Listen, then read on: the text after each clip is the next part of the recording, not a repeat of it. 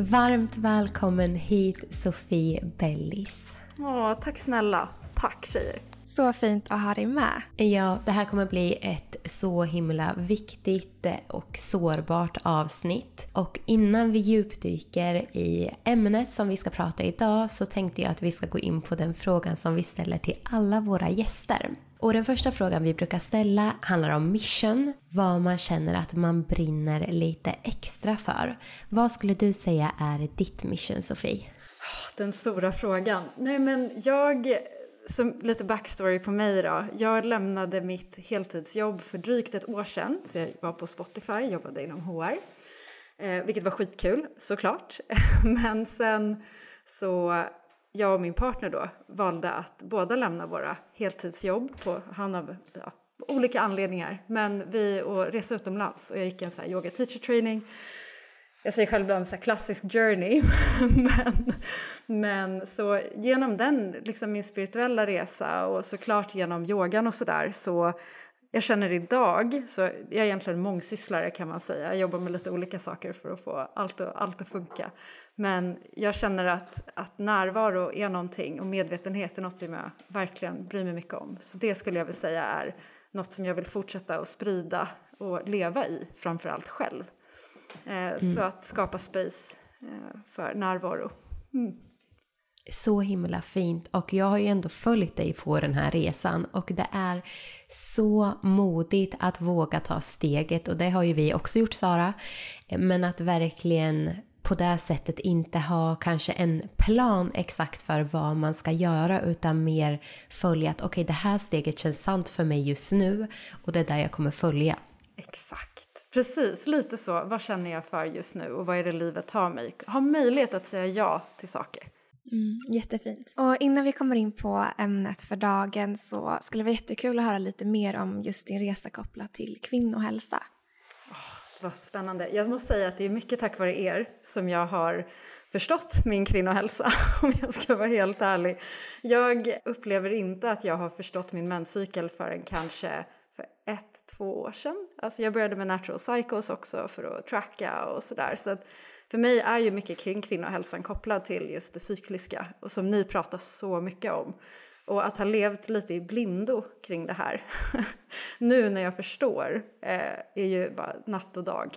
Så att numera och speciellt i och med en, en resa inom att, att bli gravid och sådär så har jag ju fått mycket bättre koll. Men som sagt, det är väldigt nyligen så tack Tack till er, måste jag verkligen säga. Vi sitter med största leende ja. här. Ja. Men, men Sofie, jag har ju ändå koll lite på din bakgrund. Kan ja. inte du berätta lite så här, vilken, vilken plats kommer du ifrån? När du pratar om att du kommer från att så här, i blindo, vad, vad innebär det egentligen? För jag tror att många kan känna igen sig ja. i just det. Ja men exakt. Nej men så här, jag, jag, kan väl säga, jag var värsta party-tjejen. Ska jag vara helt ärlig, jag är väl fortfarande. Jag tycker själv att jag är lite så här party men, men jag är väl inte riktigt det som jag var kanske. Nej men jag har, jag har varit ute mycket i svängen. Jag har eh, inte haft så långa heller relationer. Jag har haft två pojkvänner innan min nuvarande, jag vill nästan kalla honom man men vi är inte gifta än. Men Fabian eh, som är verkligen min soulmate. Eh, så jag, jag, har, jag har levt, eh, dels varit trott att jag har kunnat bli gravid. Här, nu låter det så dumt när, med, med medvetenheten, men det här tror jag många kan känna igen sig i. Att det känns som att man kan bli gravid jämt. Det är väldigt enkelt att, liksom, eh, att, att det ska ske. Eh, jag har eh, tagit liksom, dagen efter-piller många gånger i mitt liv för att det också känns som att gud, jag rädslan för att bli gravid där och då i alla fall. Eh, så Ja, det, det, har nog bara inte funnits en, en... Jag har haft en regelbunden mens, vilket är ganska intressant i allt det här, liksom, men ändå inte haft koll på när den har kommit, om det makes sense. Så, ja, och sen så har jag haft en ätstörning också då, såklart. När jag var i min ja, 20-årsåldern som jag fick behandling för på Mando, eh, Mandometerkliniken. Så att jag var inlagd där i ungefär drygt ett, åtta månader eh, var jag på dag, dagvården. Så det har ju också såklart påverkat, för då hade jag ju ingen mens heller på två, två tre år förrän den kom tillbaka. Så att det har varit rörigt då, om man säger så. Men jag tror verkligen att så många känner igen sig som du säger. Ja. Det, mm. ja, det kommer träffa många där ute. Ja, mm. fint. Och det pratar ju du och jag mycket om att just när du kollar på din bakgrund och när jag kollar på min bakgrund så är vi en ganska liknande. Där du också har varit mycket i det här maskulina, mm. man har tränat mycket, man kanske inte har varit eh, inkännande till sin kropp och vad den faktiskt behöver. Vilket, ja men om man har ätit på ett sätt som kanske inte alignar med sin kropp utan mer vad som anses vara hälsosamt. Att många av de här delarna, eh, och det tycker jag att när du pratar nu så känns det verkligen som att det har skett ett jättestort skifte. Ja, ja absolut. Ja, men speciellt kring, kring den biten kring träningen och hur jag tar hand om kroppen och vad jag äter. Och jag sa det till Fabian att numera är det nästan som att måltiderna inte, alltså, om, om det var så att försöka undvika mat förut, nu är det snarare hur ska jag få in allting som jag vill få i mig, men utan att skapa en stress kring det, utan snarare göra det lustfyllt. Och det är ju totalt skifte från att, att vara i ett svält-mode, så att säga. Så det, ja, det är fett häftigt alltså. Vilken resa ja. vi har gjort. Ja, men det är så fint när man ja. blir medveten kring alltså, psyken och känner på det sättet att så här, hur kan jag supporta min kropp för att må så bra som möjligt. Mm det finns en sån kraft i det. Verkligen. Men idag kommer vi att gå in på din resa där du kommer dela med dig av vad du har gått igenom. Och för några månader sedan så gick ju du igenom ett tyst missfall. Ja. Och det här ja, men är ju någonting som ligger väldigt nära mitt hjärta med tanke på att jag har en liknande resa. Även om inte jag gick igenom ett tyst missfall så gick jag igenom ett missfall. Och vi vet att det är så många kvinnor i communityn som delar våran upplevelse. Och för vår del känns det så viktigt att lyfta det här. Ehm, och framför allt hur man kan navigera igenom ett missfall och komma ut starkare och framförallt med verktyg och bara så att man inte ska känna sig ensam. Mm. Så kan inte du berätta mer om din resa? Såklart. Jag och Fabian har vi pratat eh, ett tag om att, att vi vill bli föräldrar. Eh, men sen så började vi väl mer aktivt då aima för det egentligen eh, förra året och då genom Natural Cycles. Jag har ju använt då en app för att tracka min alltså ägglossning och sådär. Och så blev vi såklart, tänkte säga, gravida på första gången. Så att det, och det var ganska chockartat också för att jag trodde att det skulle ta tid eller jag har läst att det kan ta lång tid också, att, att, i alla fall upp till, mot ett år. Så det var ju en jättehäftig upplevelse att det kunde gå så fort. Men samtidigt så var jag, och vi berättade för vår, våra vänner och eh, familj eh, om det här för att vi var så himla glada.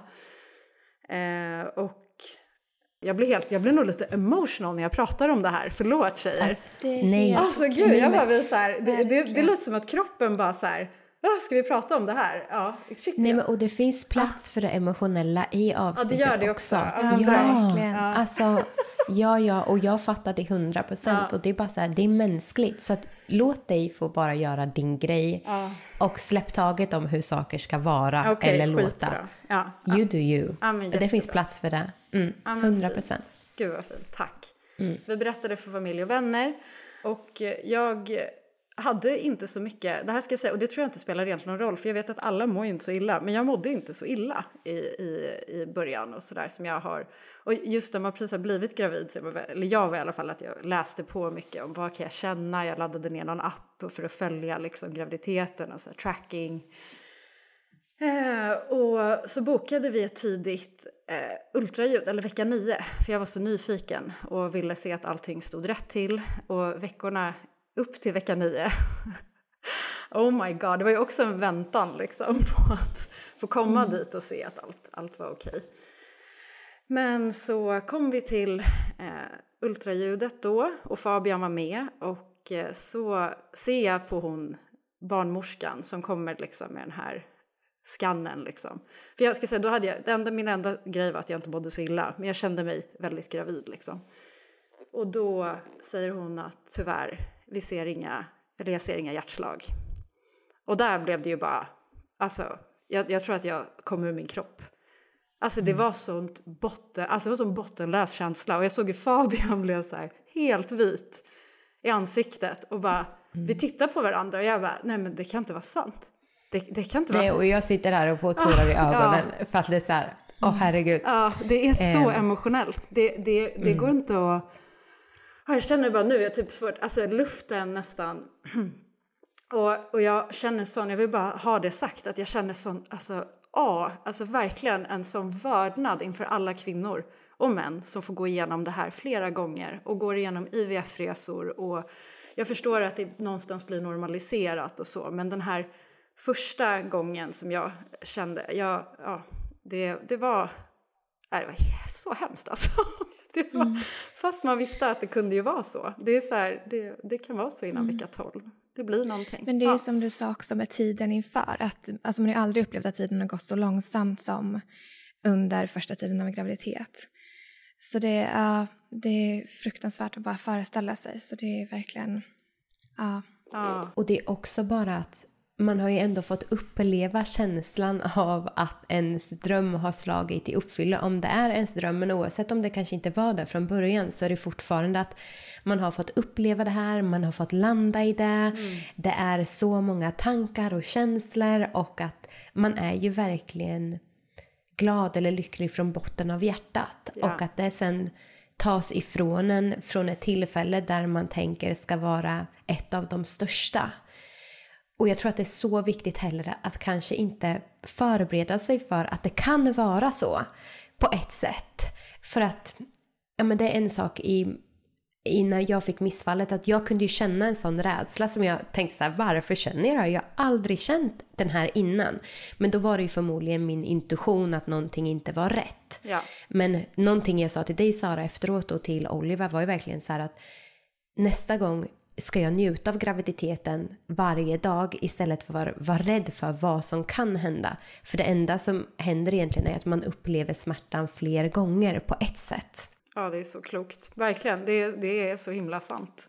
Det, uh. ja. Nej, men det kan jag kanske också någonstans, för jag kände mig när vi hade berättat för eh, vänner och familj, eller speciellt familj. Och det var, det blev, de blev så glada såklart. Och då kände jag, men gud, vi måste vänta. Vi måste bekräfta det här först. Så att jag kunde nästan bli lite så här stingslig om vi pratade för mycket om det. Att så här, men låt oss ha ultraljudet först. Så jag kanske någonstans inom mig, den här mer djupare visdomen, kände till att någonting inte stod helt, helt rätt till. Eh, men det jag ska säga, just med att få ett tyst missfall då, eller missed abortion som det kallas, Eh, jag var i, fick jag veta då, vecka 8 plus 4. Så det var bara någon dag, två dagar innan ultraljudet var. Så att hade vi gått tidigare än dess, typ att jag hade bokat i vecka 8, då hade det ju levt då. Men sen så hade jag fått vara med om missed abortion kanske i vecka 12 då. Det är en fördröjning då. Kroppen tar inte hand om det här.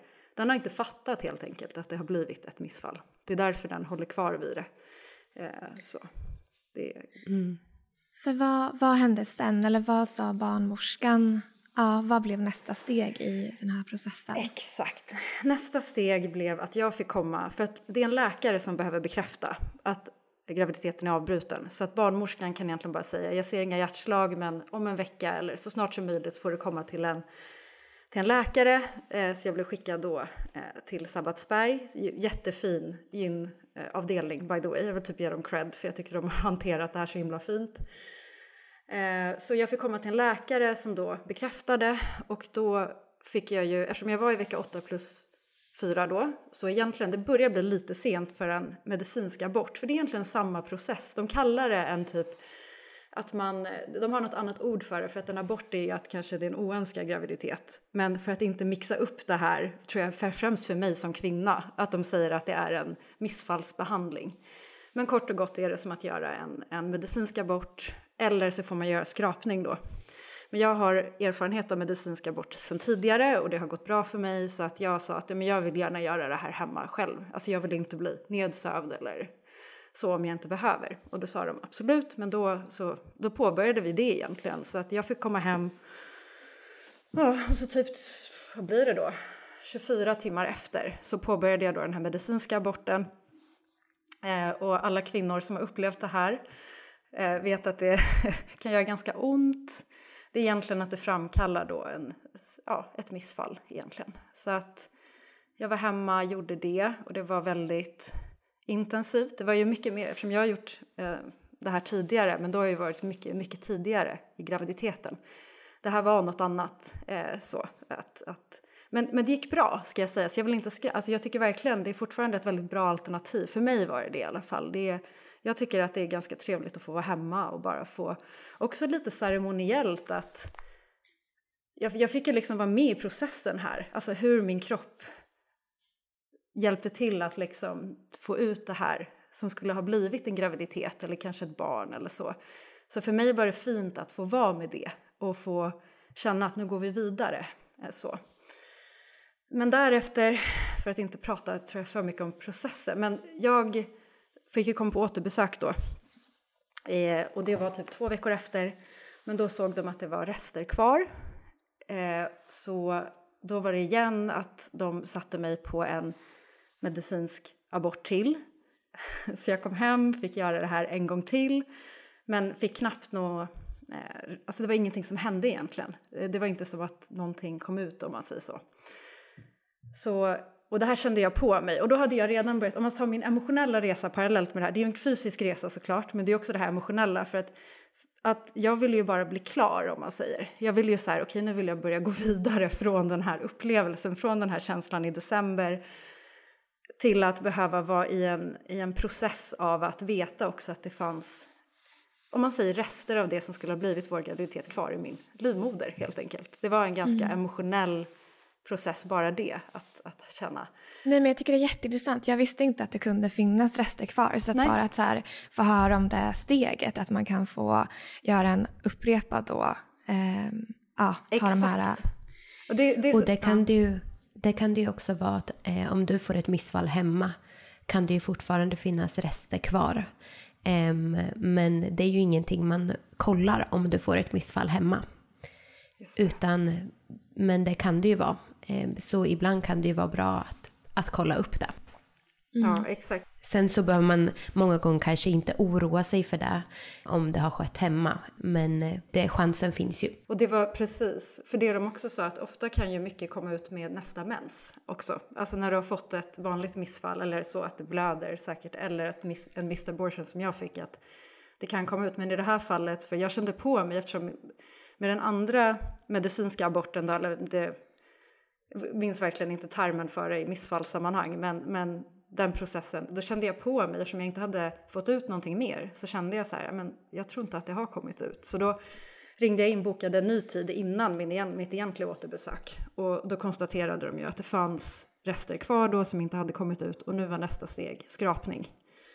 Så då fick jag en bokad skrapning, eh, men det gick ganska fort efter som tur var. Så typ en, några dagar efter bara så fick jag åka in. Och jag tror att för mig var rädslan kring att bli lite så här nedsövd och sådär. Men jag måste säga att det var också inte alls en... Eh, det, var, det, var, det var en smidig process trots allt. Liksom. Det tog verkligen 15 minuter från att jag kom in och ut. Och då visste jag ju att...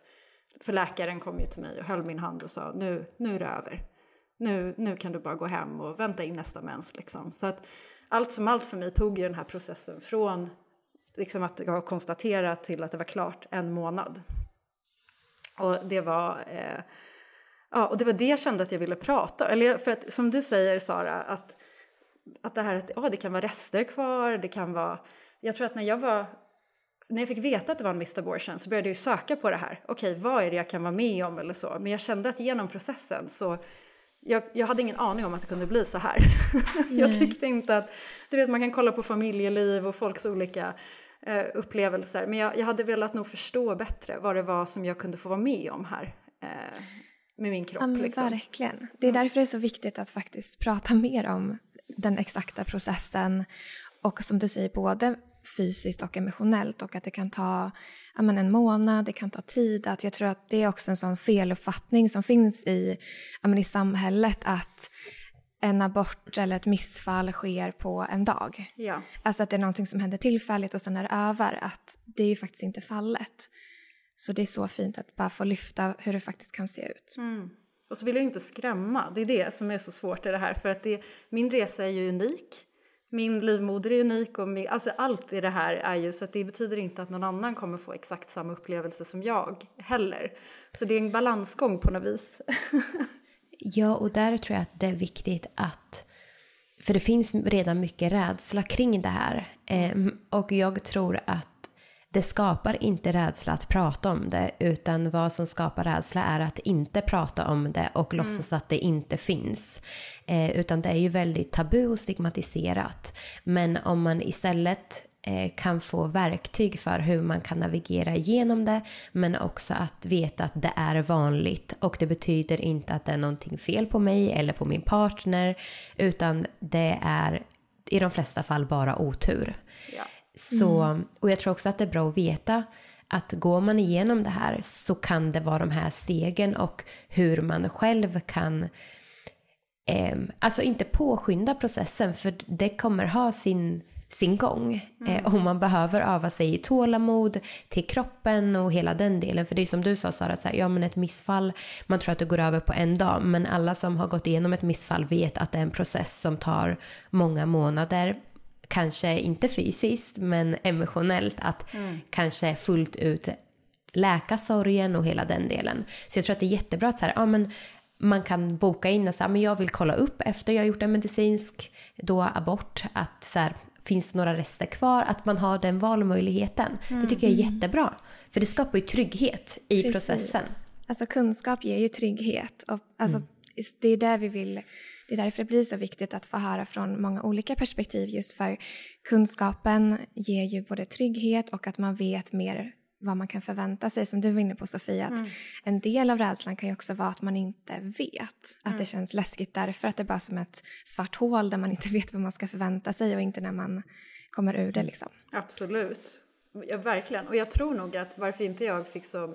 Jag kunde säkert ha frågat mer, men, men jag tror också eftersom varje resa är så unik så vill man inte heller säga det kan bli så här eller så här för att nu får vi ta en dag i taget. Det här är ju också som vi försöker leva närvarande här och nu. att mm. så här, nu är vi här och nu och vi gör det bästa vi kan göra med det som är här och nu och så får vi se.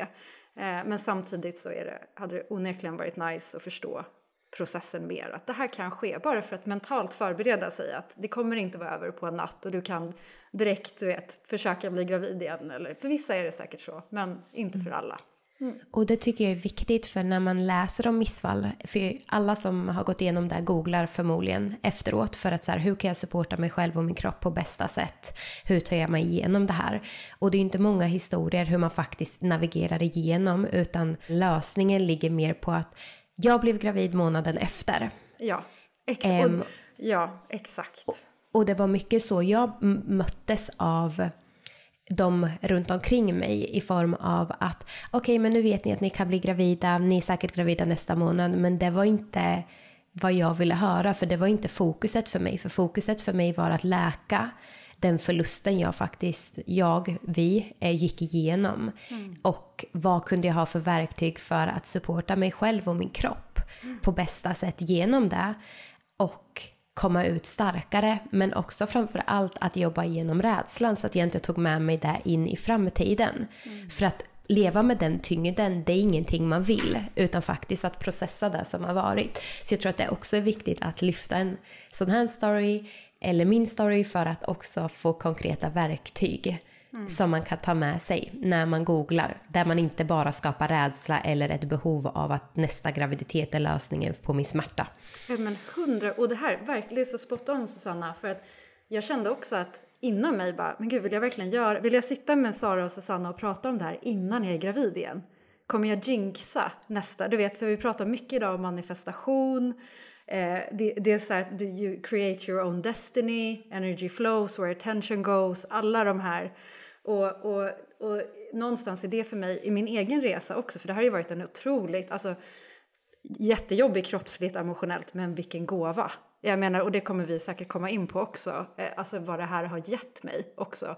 Men att, att våga, in, alltså att inte bypassa så att säga, att gå förbi mina egna känslor, det vill säga att honor det som har skett. Så här, ja, jag fick ett missfall, det var jättejobbigt, men nu är jag här, jag har lärt mig de här sakerna och jag kan prata om det här utan att vara gravid igen. Och det betyder inte att jag inte kommer bli gravid igen.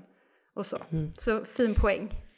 Alltså det är så kraftfullt för att jag tror att men så många är rädda för att göra det för att man behöver ju vara i ovissheten till 100 procent. Ja, visst. Um, vilket är en av livets största utmaningar att inte veta oavsett vad det handlar om. För delar i livet. Mm. Vi vill alltid ha kontroll men det är bara en upplevd känsla av kontroll. Så att jag tycker att det är så modigt att dela från ett så sårbart läge. Men du var inne lite på det med liksom själva läkningsprocessen. Vad skulle du säga har varit viktiga delar för dig för att läka? Mm. Ja, men det har dels verkligen varit att prata med andra som har gått igenom samma sak. Försöka att vara öppen ändå, även om jag inte har delat så öppet. Till exempel något jag tänkte på kring arbetsplats och sådär. Alltså som kvinna att dela, även som man, eller det behöver inte ens vara könsbaserat, det här att vilja ha ett barn. Det kan ju vara egentligen vilken process som helst och så kanske den processen fallerar eller det blir inte som man har tänkt sig. En förväntan av en framtid som ser ut på ett visst sätt med ett barn inkluderat egentligen, oavsett vem man är. Och att sen komma in i en arbetsplats med den känslan att det blev inte så, men kanske inte riktigt vilja prata öppet om det eller att det finns space och rum för att göra det. Och jag tänker, i alla fall om jag pratar utifrån mitt kvinnliga perspektiv, att hade jag eh, berättat eh, om jag hade haft mitt heltidsjobb nu till exempel, och nu tror jag säkerligen att de hade varit jätteöppna med mig, men att det, för då betyder, betyder ju det att okej, okay, hon försöker skaffa barn, det här är min tanke, min idé om vad som kunde ha skett. Hon försöker skaffa barn, hon är på väg härifrån då. För att om, alltså hon kommer ju behöva vara mammaledig i alla fall ett år. Det blir lite som att, för oftast pratar man om att man kanske väntar in i det sista att berätta att man är gravid. För att det också handlar om karriärstege, det handlar om eh, vilka möjligheter man får framöver och sådär. Kvinnor är redan liksom vi har inte samma möjligheter än idag eh, som män har till exempel. Så jag tror bara, bara en sån sak för mig att få prata mer öppet om det och så här, det borde finnas mer stöd och program och så här för, för att prata öppet om missfall. Liksom. Det här händer eftersom det är så jäkla vanligt också. En parentes där, för att när du sa det där så träffade det mig starkt att jag vet att en del som jag tyckte var utmanande när jag delade om missfallet, nu gick inte jag ut på Instagram för jag vet att många går igenom det och vi möter redan väldigt många som går igenom det varje vecka. Så för mig blev det ju också att jag behövde dela med min process utan att dela det och få in ännu mer. För nu när jag har delat det till exempel så har jag fått hur många meddelanden som helst så jag behövde liksom göra det själv. Mm. Men en sak jag kunde känna som inte fanns hos mig och Oliver men det var att det fanns en förväntan hos andra människor att vi skulle skaffa barn. Mm. Att för oss var det verkligen så här, vi flowar, det blir vad det blir och eh, sen så blev det så direkt. Mm. Men när man delade missfallet så min upplevelse var då att många tänkte så här, ja ah, men ni försöker skaffa barn och att då tiden efteråt att vårt enda fokus var att få barn och att då eftersom att människor också sa men du kommer bli, ni kommer bli gravida igen. Alltså det blev då nästan som en press fast vi inte kanske var i det statet. Förstår du hur jag menar? Absolut. Absolut. Ni blev, det blev identifikation som couple, alltså som par. Ja. Det var här, ja precis. Så på ett sätt när man pratar om det så man behöver ju vara så stark i att inte ta in andras och deras tankar, känslor och upplevelser kring det. Ja. Och att stå fast vid det, så här, men det spelar ingen roll vad de tänker kring där, den plats vi är på. För att fokus för oss just nu är att läka det som har varit mm. och det som kommer ske kommer ske. Men att inte lägga på ytterligare load typ. Mm. Så jag tror att det är också en sårbar sak i när man delar med människor. Oavsett om det är till alla eller till människor runt omkring. Det är så sant. Det, det är verkligen det, det, är svårt att navigera egentligen. Mm. Alltså för att vi alla kommer ju med olika, ja, vi har olika anledningar. Som du, jag och Fabian hade ju vi planerar ju. Det är så här, det är det här vi vill. Medan ni är mer flowy och... Oh. Mm. Jättebra men det poäng. Är så, ja, men det är så ja. viktigt ändå att kunna stå kvar i sitt där. Att det spelar ingen roll vad andra människor tänker eller känner eller deras förväntan. Mm. Utan guida sig tillbaka till sig själv. Så jag tycker det är så strångt att du lyfter det från den plats ni är på. Mm. För att det är inte lätt. Nej. Det är fan alltså, inte lätt. Nej. nej. men det krävs så mycket. Och det visar verkligen vilken plats du är på och hur långt ni har kommit i er resa. Ja, tack Susanna. Mm. Jag tänker också att en bidragande grej i det är ju också att i och med att man pratar så lite om det och att man inte pratar om det på arbetsplatsen eller ens överlag, att det också bidrar till att det kanske finns då de här, så här strama bilderna om att okej, okay, men då betyder det att ni försöker få barn för att man har inte Alltså det finns ingen plats där man har pratat om att nej men så ser det inte ut för oss eller vi tänker något annat. Att de samtalen finns liksom inte överhuvudtaget på något sätt. Mm. Ja, verkligen.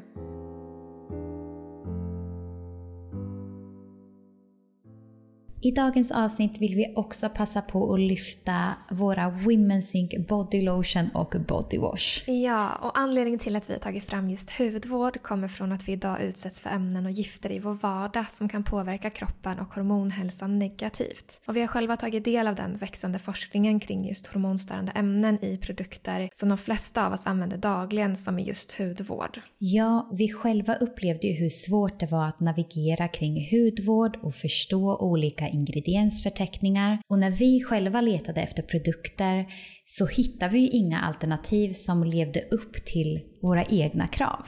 Det här väckte verkligen en drivkraft i oss att skapa en hudvårdsserie som verkligen är snäll mot kroppen, som passar gravida och ammande och som vi kan stå för till 100%. Precis, och även om de är snälla mot kroppen så har det varit otroligt viktigt för oss att de också verkligen har effekt. Det vill säga att de ska vara mjukgörande och återfuktande. Och själv älskar jag verkligen konsistenserna. Bodywashen är så len mot kroppen och bodylotion gör verkligen huden mjuk utan att lämna en fet hinna på huden. Mm, nej men de är otroliga. Och för att göra dem så närande som möjligt för huden så har vi fokuserat på att använda ingredienser som finns naturligt i huden och som stärker och upprätthåller en hälsosam hudbarriär såsom exempelvis kvalen, E-vitamin och vitamin B3. Ja, precis. Och en viktig aspekt i framtagandet av hudvården är att vi har gjort dem parfymfria. Och det är eftersom att parfym är ett samlingsbegrepp som kan innehålla hundratals olika ämnen. Och de är även fria från PFAS, parabener, ftalater, BPA, mikroplaster och mineraloljor. Ja, och vi får ju ofta frågor vad vi använder och vi använder ju enbart de här produkterna nu och kommer att göra för resten av vår framtid. Eh, och framförallt nu när vi är gravida eftersom att de passar lika bra inför för, under och efter en graviditet. Men de passar ju även för de som har känslig hud eller man har olika allergier eller bara för dig som är medveten och söker efter alternativ som är snälla mot huden. Mm. Och produkterna är också veganska och producerade här i Sverige. Och du hittar dem på vår hemsida womensing.se.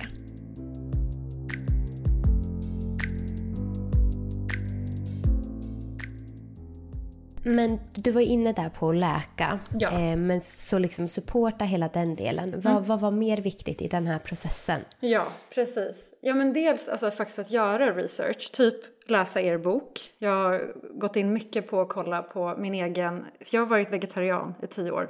Och det är jättebra om man är en duktig vegetarian. Det vill säga att du verkligen har koll på hur många näringsämnen får du i dig, vad är det du äter och så vidare. Jag har inte varit jättenoggrann med det här. Så att det var ju det första jag tittade på egentligen, typ kosten. Okej, får jag i mig tillräckligt för att kunna bära en graviditet? Just med tanke på eh, den typen av missfall som jag fick också, att kroppen kan ju bli gravid, det har vi ju konstaterat.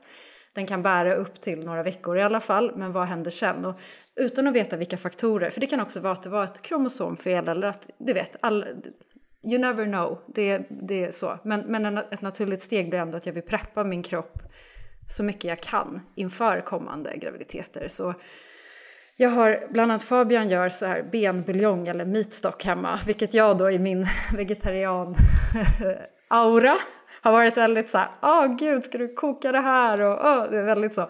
Och nu är jag liksom den första som står och bara, kan jag få en kopp? så det har blivit en väldigt, liksom, vilket är härligt på något vis. Och, och, bara, och bara för att jag gör det här nu betyder det inte att jag kommer fortsätta med det sen, utan jag är ju på ett mission. Alltså jag vet ju vad jag vill och vad jag vill försöka med i alla fall. Vilket är att, att, att få en hållbar graviditet. Så att, eh, jag har in, inkluderat då kött, benbuljong, jag äter ert kollagen också, jättegott för övrigt har yoghurt. Eh, jag eh, ser till att äta verkligen frukost, lunch, middag. Vilket jag heller, alltså jag har slarvat massor med det. Tagit in mycket med ägg också i min kost. Eh, yogan och så håller jag ju på med redan. Det är ju det som jag egentligen arbetar med idag väldigt mycket. Så att jag, jag har träningsmässigt och hur jag rör mig har jag redan lagt om så att kroppen får möjlighet att återhämta sig och, och sådär. Så att bara det att komma in i, nu pratar jag mer om dels det här kroppsliga då, men att bara att göra de här förändringarna och veta att jag supportar min kropp att, att, att bli starkare har gjort att det känns lättare i min läkning mot eh, bara att vara mig själv, alltså utan graviditet eller att försöka bli gravid. Och sen rent emotionellt så har jag alltså levt in mig i sorgen jag har gråtit så mycket och för mig har gråten suttit djupt inne. Jag har haft en, en jätte, liksom, blockad inom mig att jag gråter jättesällan. Och för mig, det behöver inte vara att det är en blockad, men jag vet att det är det. Jag känner ju att jag, så fort tårar kommer så kan jag bara zitt, ni vet, det blir som en vägg och jag bara nej, jag ska inte gråta. Så att eh, jag har gråtit så mycket och det har varit så förlösande. Det har varit så skönt. Alltså jag har varit så, du vet, så ledsen som man bara var när man typ var liten och bara gråter och vill bli hållen liksom. Och sen få dela det här med Fabian också. Att, att få, få, det har ju, vi har blivit mycket tajtare genom det här för att han har fått se mig så förtvivlad också. Han själv har ju varit väldigt ledsen och så, givetvis, men det är mycket just för att det blev en sån kroppslig upplevelse för mig också.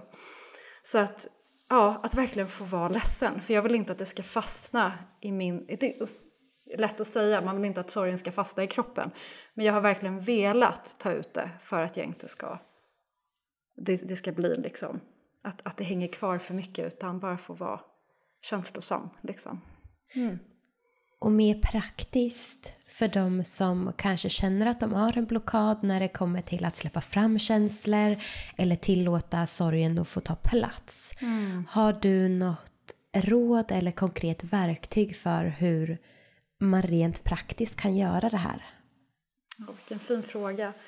Eh, ja, jag, jag tycker ju att till exempel breathwork eller andningsövningar är ett jättefint sätt att, att skapa rörelse i kroppen.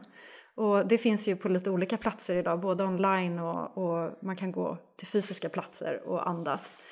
Det, det är ett jättestarkt verktyg för mig. Och, och sen att faktiskt gå in i känslan genom att kanske kolla på bilder eller försöka leva mig in i, i hur hade det känts om, om det hade... För att egentligen, det, det vi pratade om, jag och Fabian mycket var ju att det som vi sörjde, eller sörjer, är ju en idé om hur saker skulle ha blivit.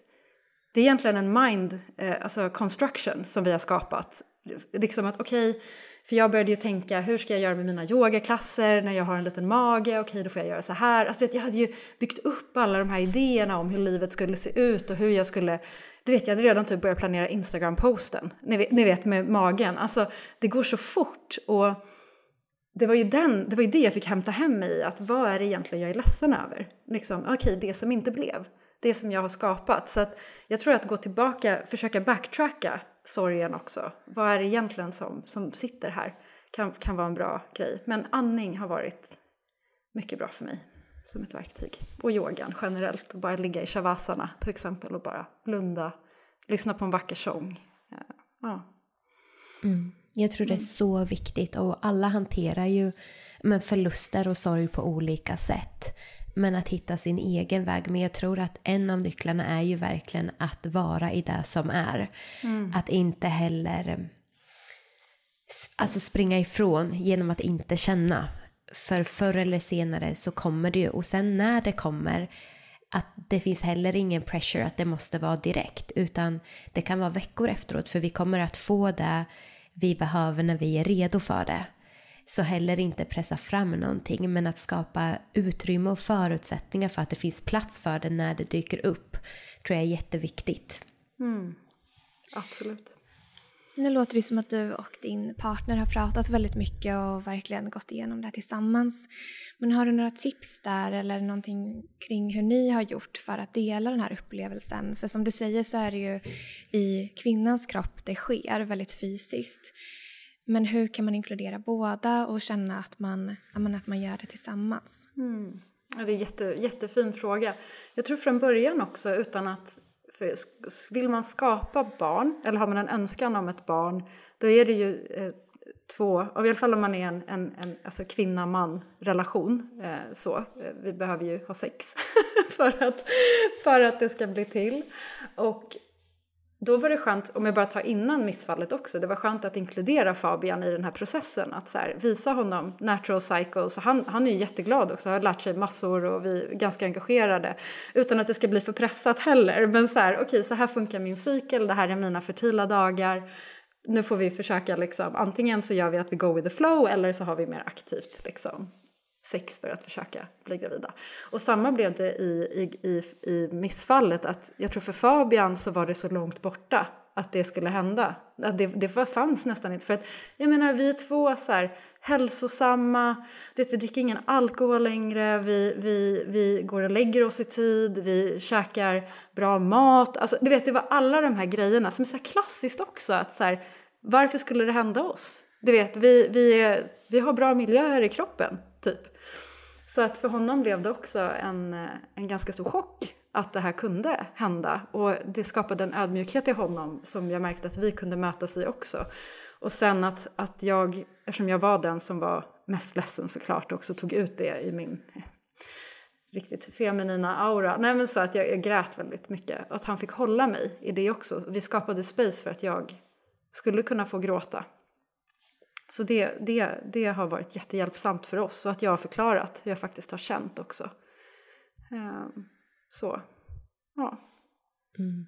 Nej men det är alltså så fint att det har funnits plats för det. Um, och att supporta för att jag tror det är så svårt för killar att på ett sätt sätta sig in i det och det kan jag ju känna alltså redan nu när man även om vi är gravida nu så är det ju svårare för dem att förstå för att det händer inte i deras kroppar. Det är inte så mycket som förändras. Nej.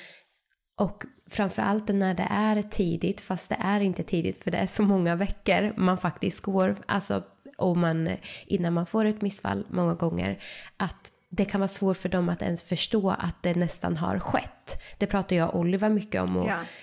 Alltså hur får man honom att förstå? Men jag tror att så viktigt att han har varit så inkluderad och kunnat hålla dig så att mm. man inte känner sig ensam i processen. Mm. Men också en sak som jag tror är viktig för de som lyssnar är just det som du sa, men vi är ju två hälsosamma personer, varför händer det här oss? Jag tror att, och det kände jag också så här, men hur kan det här hända? Och där tror jag igen att den här att det inte finns kunskap om missfall för man tror att det på något sätt ska hända någon annan eller mm. att, det, att man lägger så stort ansvar på sig själv att det måste ha med mig att göra och vad jag har gjort för val eller vad min partner har gjort för val men att det har inte alltid med det att göra och det är samma sak i en ofrivillig barnlöshet process i IVF. Mm. Att man kan ju göra det så många som gör alla rätt. Men mm. det går inte. Och att faktiskt ta bort det ansvaret och inte bära det. Det tror jag är så, så viktigt. För vi lägger så stort ansvar och tar oss själva på så stort alltså, allvar. Men det, det har inte alla gånger med det att göra. Nej, och jag, jag kan nästan se det som att det här... För jag, det, det är mycket som kommer upp av en sån här upplevelse för att det är så mycket sorg kopplat till det. Och jag kan nästan se att jag kanske behövde, vilket låter helt galet att säga kanske, men jag, en av mina intentioner förra året var, jag tror jag nämnde det innan, att så här, jag vill gråta mer. Jag känner att jag har, eller jag har en blockad inom mig. Så att jag verkligen öppet bad om det här, att jag vill, jag, vill, jag vill få gråta mer. Och vad behövde ta mig till den platsen? Jo, en djup jäkla sorg. Så att jag har ju fått gråta mer än vad jag har gjort sedan jag var liten den här perioden. Och också av andra, liksom, sorg är lite tematiskt för mig just nu. För min, min vän gick ju bort nu för två, två veckor sedan, Elin. Eh, men, men, men jag kan se att så här, tänk vad, vad fint att jag har genom missfallet fått komma åt den här platsen i mig som förmodligen gör mig till en mycket bättre mamma när den, den dagen väl händer. För att du vet, jag har öppnat upp de här platserna i mig på något vis. Så att, och det, det, det är fint på något vis. Och hur kan man på ett förstärkande sätt? För att i samhället så känns det som att man är så rädd för upplevelser som väcker sorg eller som väcker smärta. Men det är ju en del i att vara människa i det här mm. livet, att vi kommer uppleva alla de här delarna. Ja. Hur, hur, alltså hur kan man omfamna dem vad har varit verktyg för dig när sorgen eller smärtan dyker upp? Hur tar du dig igenom det? Mm. Ja, det är ju så läskigt, är det inte det? Alltså det här att känna, för det är oftast en känsla av, som jag känner också mycket kring Elin nu, att det är overkligt. Alltså det, det, det är nästan samma med missfallet, att det, det, har, det, det, är, det är inte sant det är det här att och, och, och komma igenom den, skjuta igenom den känslan och bara vara i gråten eller vara i smärtan och inte börja springa upp och göra massa saker eller som jag tidigare hade gjort, gått ut och springa eller springa till gymmet eller gått ut och druckit massa alkohol eller du vet på andra sätt varit ganska destruktiv mot mig själv för att jag försökte fly från, eller svälta mig själv. Alltså att jag har gjort, du vet som, been there, done it. Men numera gör jag inte det utan jag står emot, jag går igenom så gott det går och jag ber om hjälp också så, jag vågar ta den platsen. För det handlar också om att ta plats. Att så här, det är inte roligt att vara, eller jag vet inte om du kände det Susanna genom ditt missfall med Oliver, att vara den som är så ledsen hela tiden. är också, det är ganska så här, åh, jag, jag vill inte vara den som går igenom sorg. Även om Fabian också gick igenom och Oliver säkerligen, så det blir inte samma sak som vi har sagt här innan. Det här att vara, men att ta den platsen då, att vet du vad, jag går igenom sorg just nu och jag kommer göra det i det här liksom ja. Nej, och där kunde väl jag känna att det kom när jag stannade upp mer att en sak som har hjälpt mig när det kommer till just att gå igenom tuffa saker i livet, även om det är ett breakup, ett missfall, det är just att jag vet att det här är temporärt. Mm. När man känner de här känslorna, då är det ju som att det här kommer aldrig gå över. Jag kommer aldrig känna lycka igen. Det här, ingenting kommer någonsin kännas kul igen. Men jag har ändå gjort ceremonier där jag har upplevt de här typ sorg men där jag också har vetat att det här kommer att gå över. Så när sorgen var som djupast då var jag så här, jag var så ledsen, alltså så förtvivlad. Men jag sa till Oliver, jag vet att det här kommer gå över. Det kommer att passera. Och den vetskapen gjorde ändå att det kommer att bli lättare. Jag behöver bara tillåta det här att finnas nu. Men sen mm. kunde jag känna ja, men när vi var i Thailand så dök det upp mycket känslor för att det förmodligen fanns mer tid att processa det som hade varit. Och i det så kunde jag känna så här, men det här är två månader sedan. Varför känner jag mig ledsen nu? Och mm. då identifiera mig i det du sa, men varför ska jag vara den som är ledsen? Varför kan jag inte bara kolla framåt? Men för mig att kolla framåt, det, för mig var det fortfarande, jag behöver bearbeta det som har varit för att kunna gå framåt och faktiskt börja på ett nytt blad. Och ta med mig de lärdomar som den här processen faktiskt har gett mig och integrera dem djupt i mig själv och i min vardag för att kunna uppleva mer kärlek och lycka. För när man går igenom traumatiska saker, man blir ju också otroligt ödmjuk och tacksam eh, och uppskattar de små sakerna på ett sätt man kanske inte har gjort tidigare. Vilket är en mm. av gåvorna. Precis, verkligen. Mm. Du var inne på lite lärdomar eh, innan Sofie. Skulle du mm. vilja dela vilka dina största lärdomar är utifrån den processen som ni har gått igenom och du har mm. gått igenom? Vad fint. Uh, ja, men verkligen att inte ta någonting för givet. Det känns också som att det kan man lära sig i många situationer men i det här har det verkligen varit eh, det. Att, att jag tror inför nästa, när vi väl börjar försöka igen då, eller när vi känner oss redo så kommer jag att vara väldigt ödmjuk inför den processen och mer försöka se det med en lättsamhet och en lekfullhet om det går. Och att, att eh, inte ha för mycket förväntningar. Utan att det ska bli på något sätt som att jag inte ska förvänta mig någonting fantastiskt. Men mer bara vara i nuet då. Inte, inte liksom bli för mycket i framtiden. Eh, mina lärdomar har också varit att vilken fantastisk kropp jag har. Eh, jag, är så, jag har aldrig tidigare sett på min kropp på det här sättet som jag gör nu, som ett tempel. Jag har nog sagt det till mig själv, men jag har liksom inte levt så.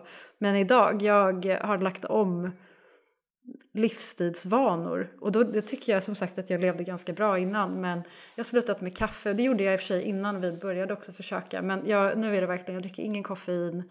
Och det är inget fel att göra det heller, men just för mig som har druckit så extremt mycket koffein. Alltså vet, jag snittade så fem Nocco på, per dag, alltså det var helt galet. Alltid all in. Allt. Det blir så hysteriskt liksom. Så för mig har det varit så, jag behöver bara cut it. Liksom helt det har jag gjort. Så, och jag kan verkligen se att min kropp ändå, att, att den, allt den har klarat av genom den här processen och fortfarande står där och är stark och glad och villig och du vet, kan, kan yoga, kan, kan bara ja, vara så härlig som den är. Så jag njuter ju av min kropp nu på ett sätt som jag inte har gjort innan. Också innan en potentiell till graviditet. Att jag får bara vara med mig nu. Det är helt fantastiskt att följa strömmarna. Eh, och sen att, eh, gud, att sorg, det är någonting som är en del av livet. Det har jag verkligen lärt mig. Och att det har varit fint att få genom den här processen möta mig själv i det. Måste jag säga. Mm. Vad skulle du vilja föra med dig till personer som går igenom en liknande resa som du har gjort? Mm. Ja, våga känna. Och, och att googla inte för mycket. nej, men, nej, försök inte googla för mycket. Det är också väldigt lätt att bli helt konsumerad av andra människors upplevelser och, och, och hur saker och ting kan och inte kan bli. Men att försöka att, att bara finna ro i det som är, vilket är en helt galen... För jag, det beror helt på var man är i resan också just nu. Um, men att det också är, det finns en gåva i, i, i sorgen helt enkelt. Det, jag vet ju också att det var ju för fint, jag och Fabian efter det här, då visste vi, vi vill bli föräldrar. Hur, i vilket format det än är. Men inte innan dess, för det gick så fort. Du vet, det var som, dit som dig och Oliver Susanna. Det gick så himla fort så man bara, ja okej, okay, var det så här enkelt, vad härligt. Det var liksom den känslan och sen så när det bara togs ifrån oss på det sättet så bara, aha, det var inte så enkelt, okej. Okay. Men det här har liksom grundat oss båda inför föräldraskapet på ett jättehäftigt sätt. Så det, det, det finns en gåva i allt. Det är det kanske är ett bra budskap. Mm. Och jag tänkte där, för du sa det, men det har kommit en djup längtan som kanske är förankrat på ett helt annat sätt nu hos er båda.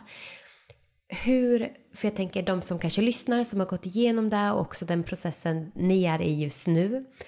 Hur kan man ja, men navigera nu framåt sett för att inte bli otålig i processen?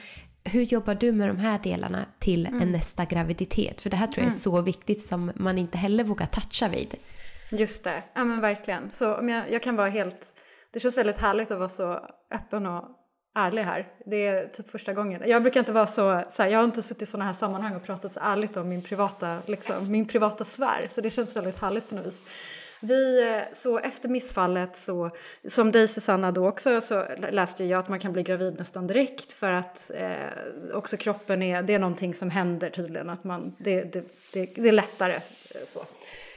Men jag hade en oklar liksom, mens eh, och, som, som kom då efter typ en månad och sen så hade jag en till menscykel som kom, eller en till mens. Och vi försökte en gång och det blev inte. Alltså vi försökte ha liksom aimat sex då för att bli gravida. Men eh, sen gick jag faktiskt till, det här nämnde jag inte, men jag gick till en kinesisk örtdoktor. Inte, det hade lika gärna kunnat gå till Diamantis i det här fallet, men nu blev det Dr. Yang som är, för jag googlade så här fertilitets Eh, doktorer, för jag tror väldigt mycket på kinesisk medicin, speciellt efter att ha läst er bok, men också Diamantis bok, Hormonell harmoni. Och eh, de är ju väldigt straight forward i läget liksom. Du vet, de tar ju pulsen, kollar tungan, lägger akupunktur och sådär. Så att eh, tillsammans med, med dem nu då så, så jag litar mycket på vad de säger också. Så vi håller på att bygga upp min kropp ordentligt för att just för att jag har varit vegetarian länge. Och jag, ett dål, jag har varit en dålig vegetarian. Jag tror att lever man i en vegetarianistisk värld som är bra då kan du säkerligen liksom ha samma nivåer som en köttätare. Men jag har inte, alltså jag liksom käkar popcorn till middag. Alltså det är inte att vara, alltså det är ingen bra vegetarian. Så att jag behöver bygga upp och jag känner det också att jag vill stärka min kropp så att eh, eh, jag går lite där nu då och får lite örtkurer och akupunktur och sådär också. Så att i det känns det också betryggande att veta att det är, och de har också hjälpt mig att se att det här är mer en process. Man kan inte leva efter varje, varje mens, eller man kan, det kan man. Du vet, men, men samtidigt om jag ser det med längre horisont det vill säga, ge det, det kanske är sex månader, ett år. Då blir det inte lika pressat varje gång. För det är det att sitta och vänta som jag kan tänka mig blir för många, att man sitter och väntar de här dagarna när mensen ska komma. Så kommer den och så blir det en minisorg igen och bara åh nej, åh nej, det blev inte. Och så kör man nästa gång, åh nej. Alltså istället att se så här, okej, okay, men vi har det här utlagt för oss. Hur det här kan ta tid. Jag tror mer det att här, se att det kan ta tid. Mm. Och acceptera det också. Inte bara säga det, men att faktiskt så här, det kan ta tid. Ja, och ja. Där, alltså det vill jag verkligen föra med mig till de som lyssnar att ingenting behöver vara perfekt heller för att kunna bli gravid. Nej, att när, det. Ja, men det är ju du Sara också ett exempel på. Dina järnvärden var inte kanon. Alltså så här, mina var inte 100%. Det är så här, saker behöver inte vara perfekt och det är så himla viktigt att ta med sig. Um, och det, människor blir gravida väldigt, väldigt ofta där när saker inte är 100% heller. Men jag tycker det är så som du säger Sofie, så viktigt att men hur kan jag må så bra som möjligt innan, under och efter en graviditet? Och att ge sig själv förutsättningar på det sättet är väldigt fint och mm. någonting jag känner igen mig i. Utan att sträva efter perfektion på något sätt. Nej men verkligen, men jättebra poäng. För jag tror att det är så lätt också när man just har gått igenom ett eh, så, missfall eller man är väldigt medveten om sin egen kroppsliga hälsa. Då är det så lätt att tro att det är så mycket som behöver fixas när kroppen är perfekt som den är. Både vi blev ju, vi blev ju gravida. Alltså det är det som är grejen. Så att, och, och, även om man, vilken resa man än har, så jättebra poäng att, att det här är bara något som jag har valt att göra för mig själv för att jag känner att ja, jag är på den resan nu helt enkelt. Lite biohacking generellt, vilket också är ganska trendigt nu, att biohacka sig själv liksom. Mm. I'm just going with the trend, you know.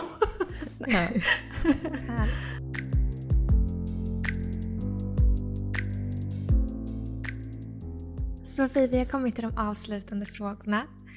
Och eh, där har vi, på tal om livsmedel och eh, kost och sådär, så är en av våra frågor vad är ett livsmedel eller någon mat som du inte skulle vilja vara utan? Extra spännande eftersom att du har gått då från den här vegetariska världsbilden till något helt annat. Ja men verkligen. Nej, men jag är ju som grek, min farfar är grek så att jag måste ju säga fetaost alltså. Om det är något jag har på allt så är det fetaost. Och det, skulle jag, det var till och med en av anledningarna till att jag inte kunde gå full vig, alltså vegan. Även om det finns jättebra alternativ så när jag är i Grekland och de här blocken med feta, det är ja. It, it's just a love story. Så det.